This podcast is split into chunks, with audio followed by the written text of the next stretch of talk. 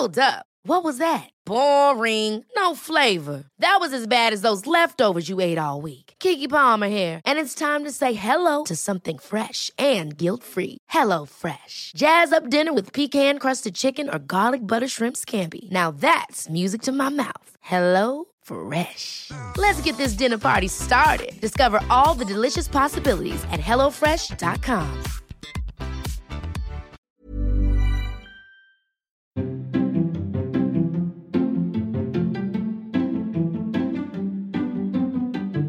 Då är ni välkomna till ytterligare ett avsnitt av Parkinsonpodden. Parkinsonpodden som idag är på Skånes universitetssjukhus i Lund. Och då är det som vanligt Håkan Widner som vi träffar som är överläkare i neurologi här på universitetssjukhuset. Tack så mycket för att jag fick komma hit. Du är så välkommen så. Än en gång ska vi väl säga kanske. Ja. Eh, du är inte känd bara från podden nu Håkan, du är känd från altonparkinson.se också nu där du och din kollega Dag Nyholm svarar på frågor. ja, och det är alltid spännande och roligt att eh, försöka ge svar på de väldigt många frågor som eh, finns. Det är uppenbarligen ett jättebehov av information. Och du har ju sagt det så klokt att kommunikationen oerhört, och information är en oerhört viktig del i eh, behandlingen. Absolut. Om man känner till sjukdomen och eh, olika symptom så blir det oändligt mycket lättare att hantera det. Är sjukvården bra på att informera? Eh, Det är en väldigt stor del. eh, Men, men det är ju alldeles uppenbart att det inte räcker till. Men å andra sidan, eh, det gäller alla sjukdomar. Och det är en i det närmaste omöjlig uppgift att liksom, Uppfylla alla önskningar och svara på alla frågor såklart. ja. Så, men där finns många så att säga, källor. Och, Socialstyrelsen har en del. eh, 1177 har ju byggt upp en väldigt stor allmän så att säga, kunskapsbank. Och det används. Men, men Det gäller att hitta den också. Absolut, ja. Och nu ska vi dra vår strå till stacken här tänkte jag då. För att altonparkinson.se, dit kan man ju skriva och ställa sina frågor. Och man får ju väldigt många frågor om vad händer nu? Det är nästan den allra vanligaste frågan. Och nu tänkte jag att vi skulle försöka ta oss igenom det här idag med att göra det väldigt basic så att säga. Det här vad Parkinsons sjukdom är, vad man kan förvänta sig när man har fått diagnosen. Kan jag träna eller ska jag inte träna? Och, och hur avancerad fas eller komplikationsfas när det blir värre sen efter smekmånaden. Eh, vad händer då? En kort sammanfattning var det. Okej. Då börjar vi. Ja. Parkinsons sjukdom, alltså vad är Parkinsons sjukdom? Det är ett namn på en sjukdomsprocess. Eller rättare sagt en, ett namn på en grupp sjukdomsprocesser. Och det är inte en så att säga, beteckning på vissa symptom. Utan det är en aktiv sjukdomsprocess som vi sätter namnet på. Och det kan ibland vara svårt att, eh, så att säga, skilja upp det där. Eh, men det är en långsamt förlöpande sjukdom, så kallad neurodegenerativ sjukdom. Det vill säga man har ett helt normalt eh, nerv och hjärntillstånd som drabbas av en sjukdomsprocess som är långsamt förlöpande. Och redan när man då får sina första symptom så har man ofta förlorat 50-60 procent av dopaminproducerande cellerna. i ett väldigt litet område, ska man också säga. Det är en långsam process där hjärnan försöker kompensera. Eh, Och det tar tid. Eh, Och därför så är det först tillfälliga symptom eh, som går tillbaka. Och, men när de blir mer eller mindre ihållande, då söker de flesta patienter för att försöka reda ut vad det här är för någonting. Ja, något som har varit genomgående när man träffar människor som har Parkinsons sjukdom så är det ju att eh, det har tagit lång tid från de upptäckte de första symptomen tills de får sin diagnos. Det går år för många. Ja, det kan det göra. Och det är just för att symptomen eh, dyker upp vid olika eh, tillfällen. Eh, vi får ofta höra här att det var en eh, infektion som utlöste det eller att man gjorde något alldeles speciellt och så m- märkte man att symptomen eh, inte gick tillbaka och man kanske haft dem tillfälligt. Ofta börjar det på ena sidan. Man lägger väl oftast märke till de fysiska symptomen kanske. Eh, Just att det börjar skaka i en fot eller man får eh, konstiga känslor i fingrar och såna här saker. Just det. Och det finns många orsaker till eh, sådana saker. Men en av dem som när det blir lite mer ihållande eh, eh, kan visa sig bero på eh, då en, en sjukdomsprocess som vi kallar Parkinsons sjukdom. Mm. Och det typiska är eh, antingen skakningar Mm. av en speciell typ som vi kallar viloskakning. Men man kan också säga så att, eller det är viktigt att veta att man kan ha Parkinsons sjukdom utan att någonsin ha några skakningar. Så 25 procent som inte har några. det stämmer det. Eh, Stelhet. Stelhet är det symptom som man så säga, måste ha för att kunna sätta diagnosen. Eh, och sen är det då en förlångsamling av rörelser och balansen. När man har den här, Paletten. ja kan man säga, eh, och inte några andra så säga, förklaringar eller vissa symptom. Eh, och det har just varit ett förlopp. Eh, då kan det vara eh, förenligt med Parkinsons sjukdom. Sen kan ju en del i efterhand komma och tänka på, ja visst jag förlorade något. Jag sma, smakar inte, maten smakar inte likadant och det luktade inte likadant. Jag har sovit sämre och sådana här saker, eller hur? Kognitiva bitar också. Just det. Eh, och det är symptom som kan komma före rörelsesymptomen, kan också komma senare. Men det är en, en del av den här paletten som kan ingå i det. Den stora frågan är ju här nu då, vad är det som utlöser Parkinsons sjukdom? Och det vet vi inte i de allra, allra flesta fall. Eh, Det finns en liten andel, sannolikt mindre än en procent, där vi har en sjukdomsgen. Eh, Och då kan man säga, har man den, eller de generna, som det finns eh, fem, sex kända som ger upphov till det vi skulle kalla Parkinsons sjukdom. Och med det sagt så, så kan man säga så det finns minst således sex, sju eh, sjukdomsorsaker och vi brukar säga alltså upp till 12 olika sjukdomsprocesser som ger upphov till Parkinsons sjukdom. Kan man hitta den genen i förtid och se att, eh, att jag är disponibel för Parkinsons sjukdom? Eh, I princip ja, men det är då ett eh, så att säga, gentest som, som måste till och eh, det är inte helt okomplicerat. Skulle man kunna stoppa förloppet i så fall så att det inte blir sjukdom? Inte som det är nu. Nej.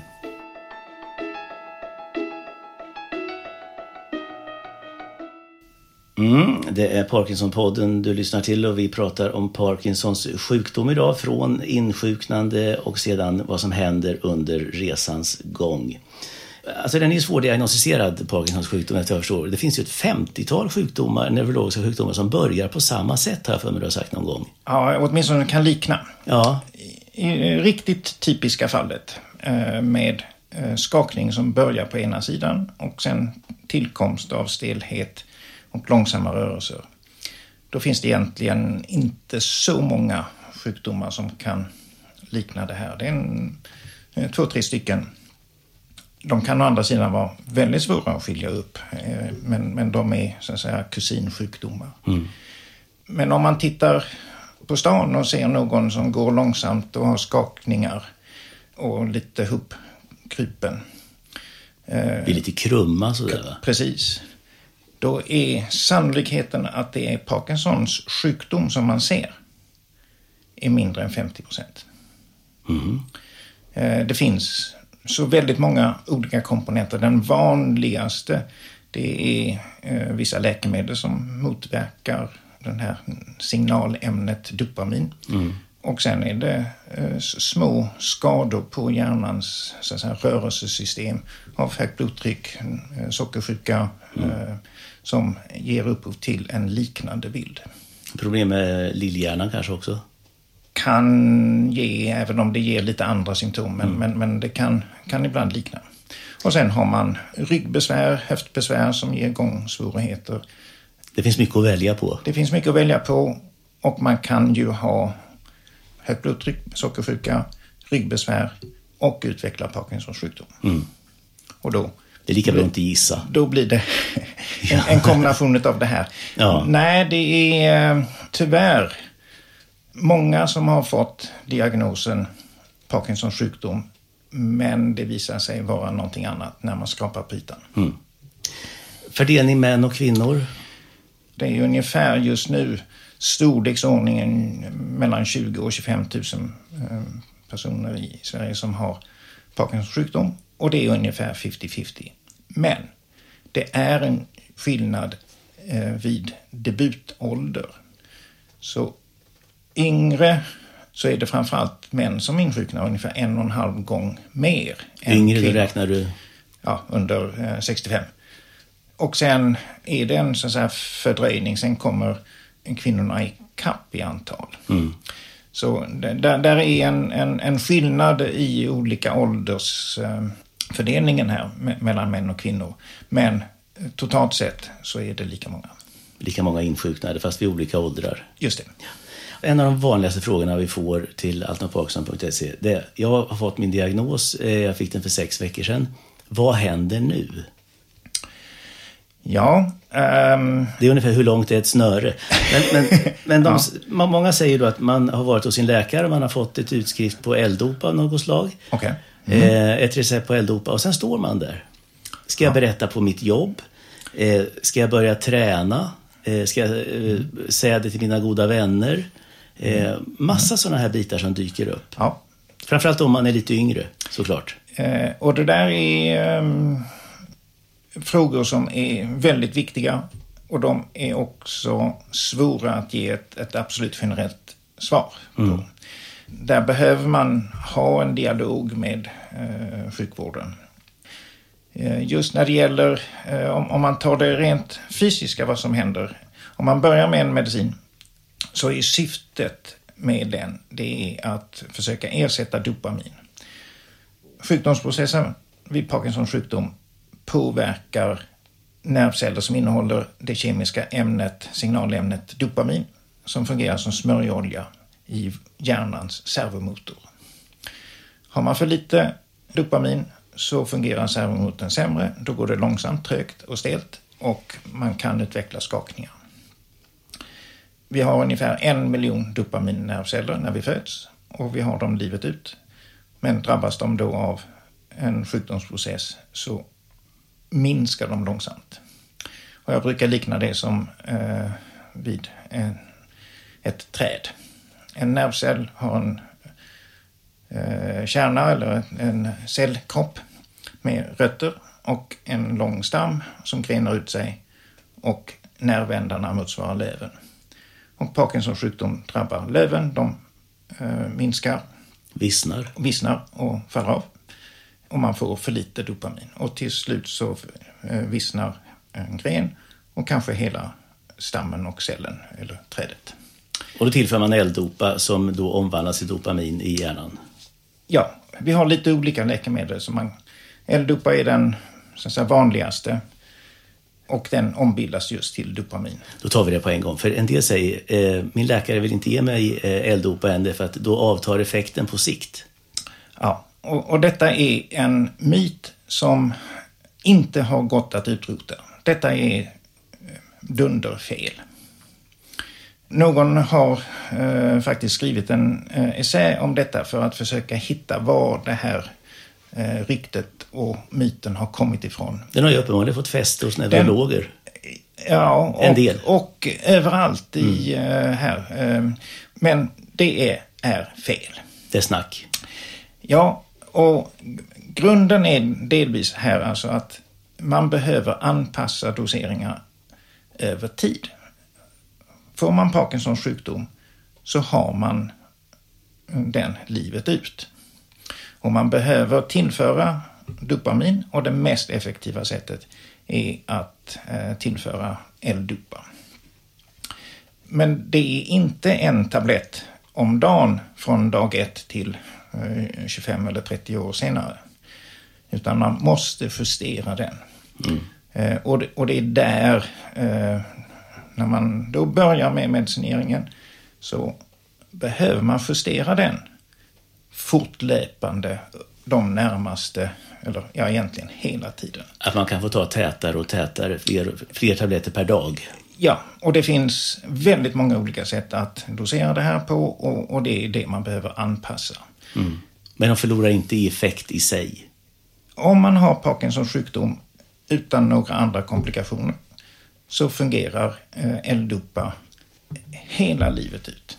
Så en gång för alla, det finns ingen som helst anledning att vänta med förskrivning av L-Dopa om det skulle anses lämpligt?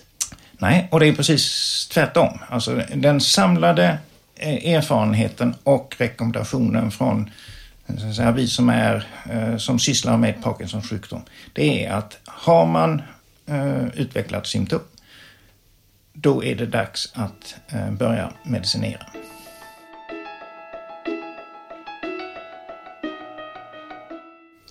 Mm.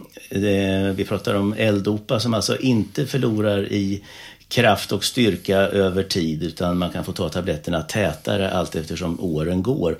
Och när vi är inne på det här med åren går, eh, då pratar man ju om, en del säger fyra, en del säger fem, andra säger sex. Vi struntar i längden, men man pratar om en smekmånad.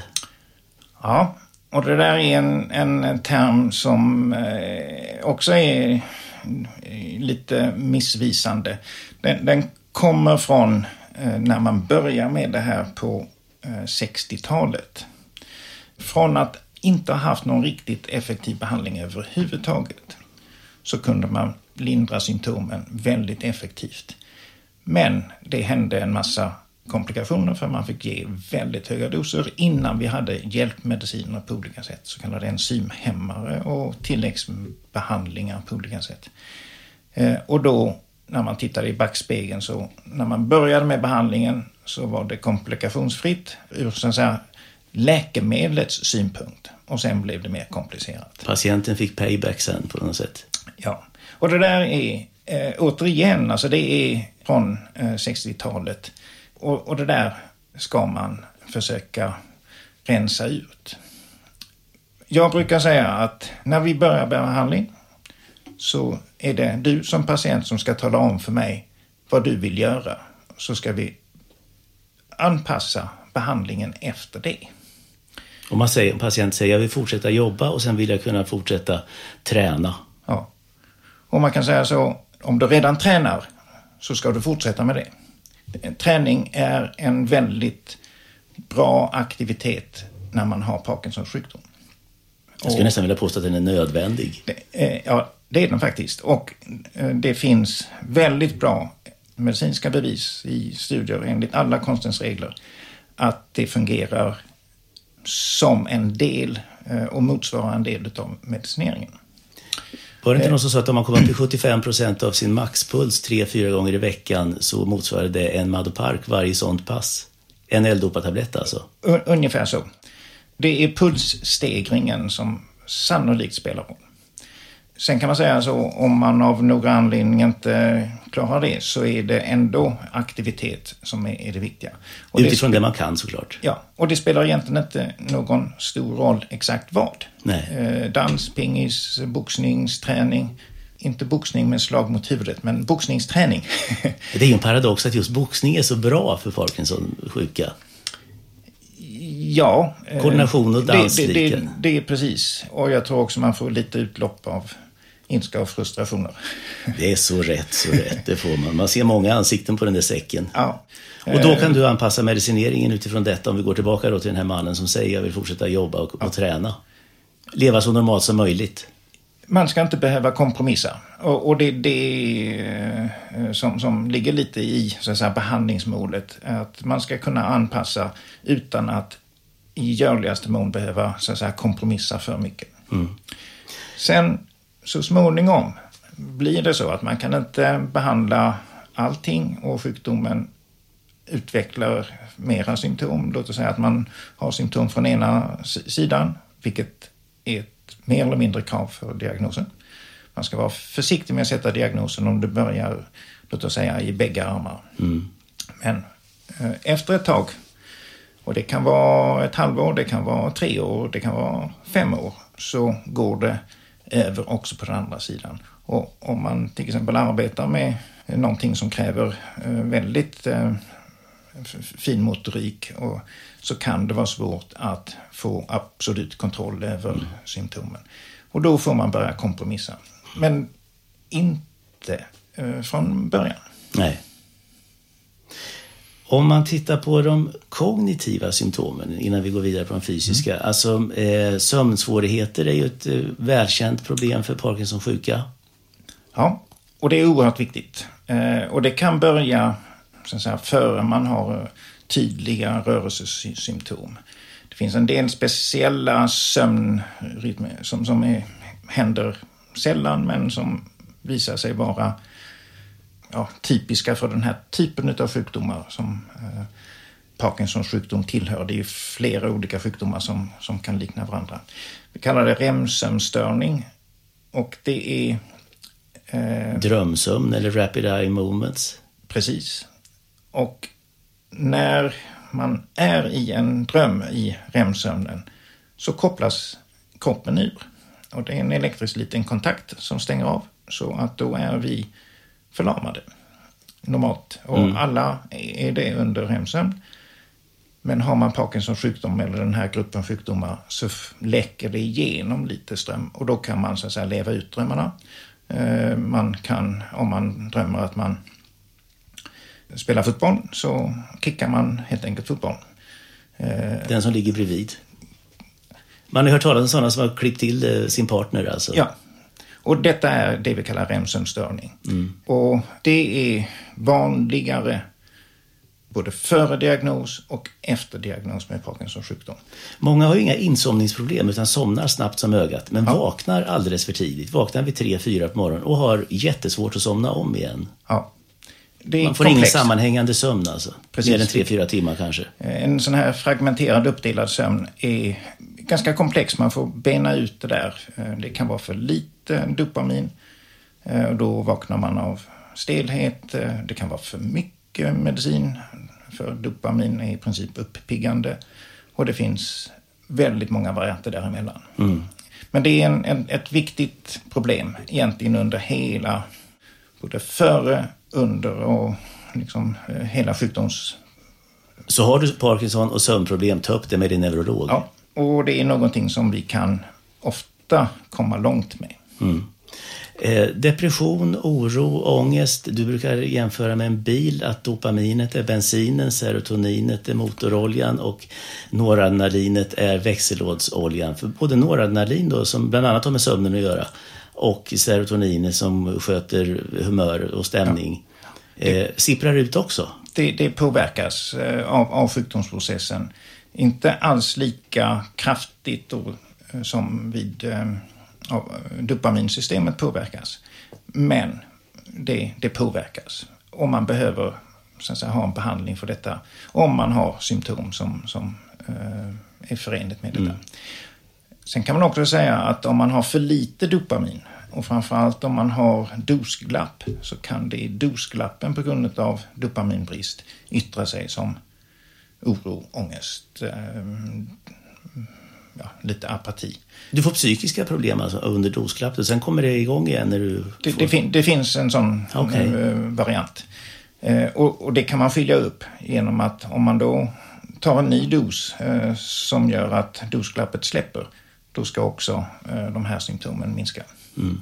Det är många symptom som samverkar på olika sätt om man försöker bena ut det. Alltså det här är ju massor av information som kommer här nu och det här är, låter ju självklart. Eh, ja, det är... För, jo, men för, för, en, för en som sysslar med det. För de som är inne ja. i det och sysslar ja. med det. Ja, absolut. Men då för de som kommer till dig och får sin diagnos och sen så går de hem. Ja. Var ska de hitta den här informationen? Ja, det. Jag har ju i sig svaret på det. Ja, och det är ju bland annat eh, därför som eh, vi gärna försöker förmedla det här. Liksom var, varje kanal ut med information är så oerhört värdefull. Mm. Därför att den betyder att du känner dig kanske lite lugnare, inte behöver belasta primärvården. Och sen många, många som får en sjukdom, de känner sig ensamma tror jag också. Det finns ju en risk att man isolerar sig också. För man skäms lite grann över de här rörelserna och det nya jaget. Det blir ju en ny identitet på en del sätt för, för många såklart. Mm. Så är det nog för eh, så att säga, väldigt många kroniska sjukdomar att, att eh, det, det ställer till det på väldigt mm. många olika sätt. Samtidigt kan man säga så att det är väldigt många som har olika sjukdomar. Så skapar mm. man bara lite ytan så dyker det upp. Allt är inte så perfekt som det ser ut alltid. Nej, vi, vi har ju egentligen fantastiska möjligheter att eh, behandla på olika sätt. Men, men det är ju väldigt vanligt att man har olika former av sjukdomar.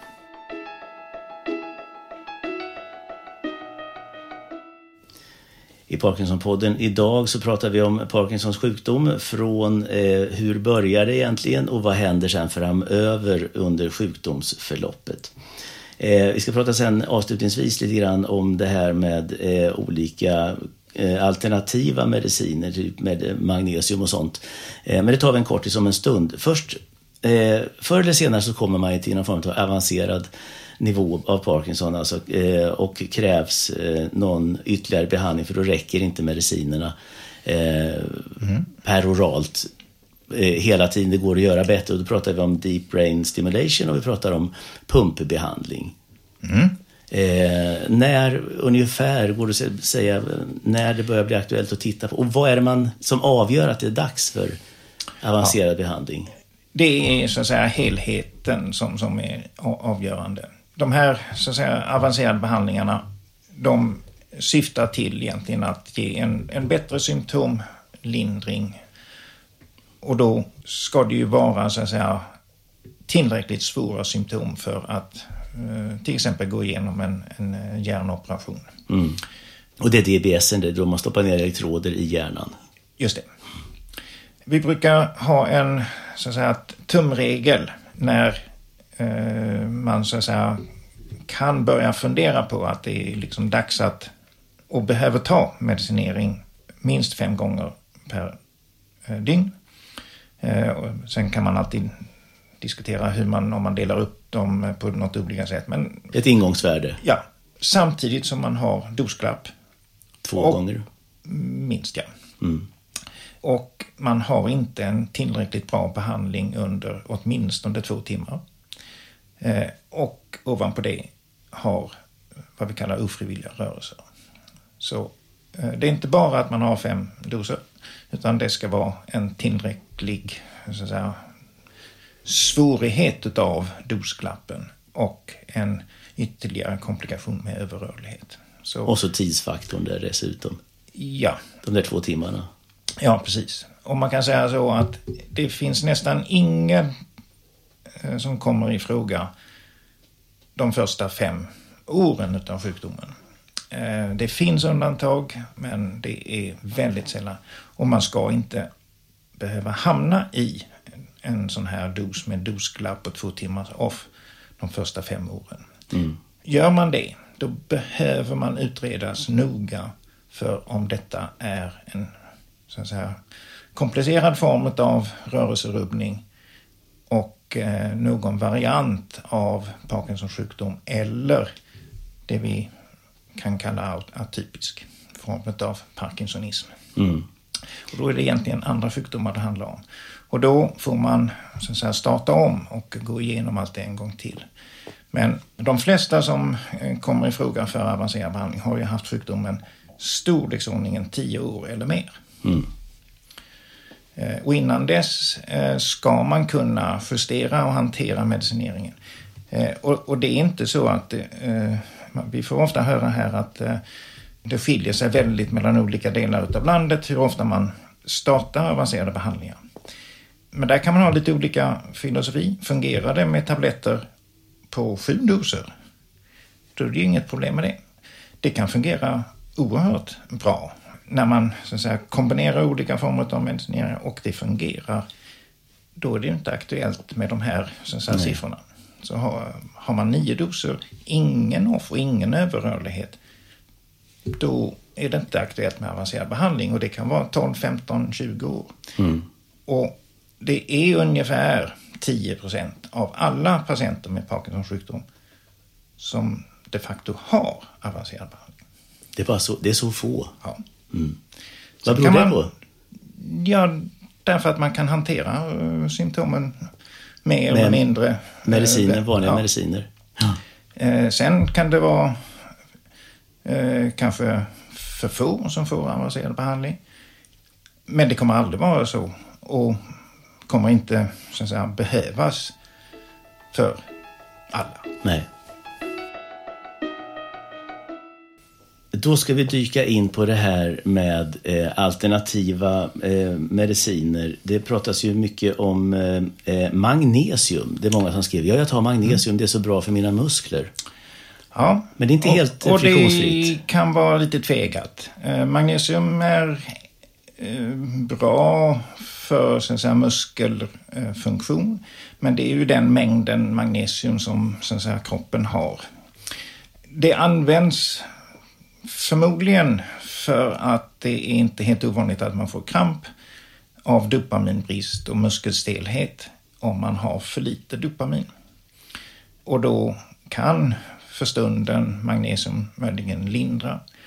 Kruxet är att eh, beroende beror det lite på hur magnesiumet tas och vilken form eh, så rent kemiskt så binder den ibland upp och motverkar L-dopa. Den minskar effekten på L-dopa-tabletten i så fall? alltså. Kan göra det, ja. Eh, beroende på lite doser och omständigheter. Eh, så att man ska vara lite försiktig med det.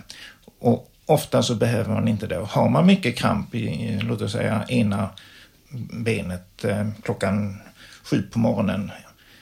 Då är det inte magnesiumbrist. Då är det dopaminbrist som man ska ha en bättre eh, så att säga, nattmedicin som varar eh, hela dygnet för att ta bort eh, muskelkrampen.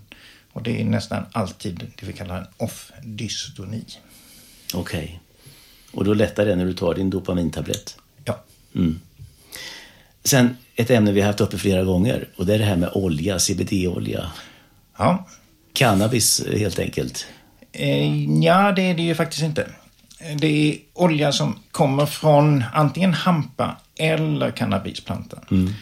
Och innehåller den bara CBD, så, som är alltså en cannabiololja, då är den inte narkotika. Innehåller den eh, THC, eh, som är en annan cannabiol från cannabisplantan. Och det kan man ja, det är väldigt svårt att fylla upp det rent kemiskt. Men, men det finns eh, så att säga, plantor som innehåller väldigt lite CBD och hampa kan man eh, utvinna det här ur. Har det någon effekt? När det har testats, och tyvärr på väldigt få, på ett riktigt bra sätt, så har den ingen effekt som håller över tid. Okej. Man kan få en kortvarig effekt och det är inte någonting som något läkemedelsbolag har plockat upp för att, eh, så att säga, göra ett riktigt läkemedel som är CBD-baserat för Parkinsons symptom. Du har säkert haft patienter som har sagt att jag tar eh, THC-olja eller CBD-olja. Eller? Vad säger du då? Ja, alltså om, om det är CBD så kan man säga då begår de inget brott. Man får importera detta, men den som säljer det får inte göra anspråk på att säga att det hjälper mot Parkinson. Innehåller det THC så är det narkotika och är det över 0,2 procent så är det smuggling av narkotika. Det är tuffa straffsatser där. Ja, det blir narkotikasmuggling. Eh, sen är det då kanske för eget bruk, men eh, det är då na- narkotikabruk. Eh, man får en prick i belastningsregistret och böter. Hur om, det, om det upptäcks. Hur säker kan man vara på att det är rent, det, det man får? Jag skulle säga den chansen är noll. Okej. Eh, Det har gjorts många studier på analys när de säger att det är väldigt lite THC eh, och det har varit eh, hundrafalt högre koncentrationer. Och det kan vara väldigt, väldigt, väldigt olika. Det innebär att tar du en sån eh, hutt och sen så sätter du i bilen Ehm, så kan du i värsta fall åka fast för att köra narkotikapåverkad. Ja. Så är det. ja. Och, och det, det hjälper inte att hävda att eh, CBD, men den visar sig innehålla eh, mer än vad det var stod på flaskan så tror jag inte att det är, ja, möjligen förmildrande, men man åker dit i alla fall. Om man tittar internationellt, använder man cannabis mot Parkinson någon annanstans i världen som du känner till? In, inte som ett, att man förskriver det. Inte som man förskriver det? Nej. Nej. Nej. Eh, Sen kan man ju köpa i, eh, ja till exempel, kommer det bli i, i Tyskland, eh, delvis i Danmark är det möjligt eh, eh, och i en del eh, delstater i USA och Kanada. Men det är inte ett, okomplicerat bruk. Finns det någon alltså alternativmedicin som du skulle säga funkar mot för, Parkinson? För sömn så är till exempel johannisört eh, kan fungera mm. bra. Kruxet är att johannisört har egenskaper som gör att den ofta blockerar eh, nedbrytningsvägar. Så om man tar det så är risken stor att det påverkar andra mediciner. Inte de vanligaste Parkinson-medicinerna, men om man använder en del eh, andra läkemedel så är en hel del av naturläkemedlen, de blockerar nedbrytningen. Så då förlorar man effekten på de andra medicinerna? Ja, eller får väldigt mycket högre effekt. Så att eh, då får man så att säga oväntade så att säga, biverkningar. Och det finns de som säger att de inte tål några mediciner överhuvudtaget. Frågar man dem om de tar till exempel citruskärneextrakt eller använder väldigt mycket grapefrukt eller eh, liknande så har man förklaringen där. Därför den stänger ner leverns nedbrytning av många läkemedel och då får man bara biverkningar. Så det är vanligt att en naturläkemedel påverkar så att säga, vanliga mediciner. Det tror inte jag människor vet i, i vilken Nej. utsträckning det görs egentligen. Och det står inte på paketen heller antar jag. Nej, absolut inte. Och det är ju det som är problemet med naturläkemedel. De behöver inte testas. Nej. Eh, på det sättet. Det är dans på slak lina lite grann där egentligen.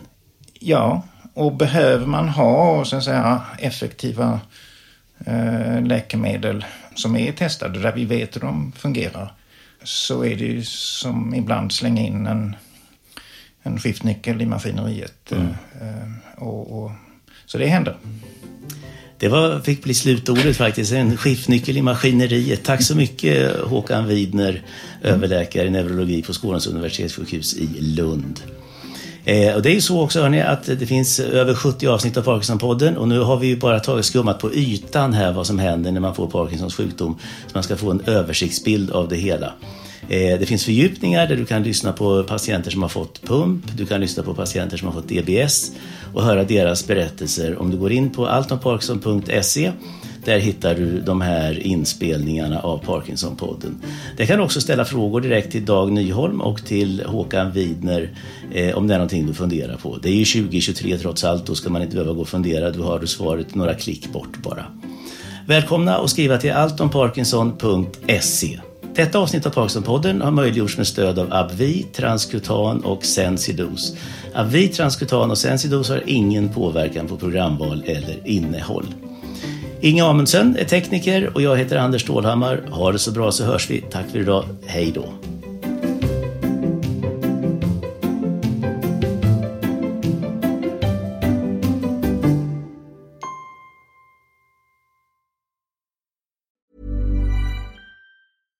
Catch yourself eating the same flavorless dinner three days in a row? Dreaming of something better? Well, hello fresh is your guilt free dream come true baby. It's me, Gigi Palmer. Let's wake up those taste buds with hot, juicy pecan crusted chicken or garlic butter shrimp scampi. Mm. Hello Fresh. Stop dreaming of all the delicious possibilities and dig in at HelloFresh.com. Let's get this dinner party started.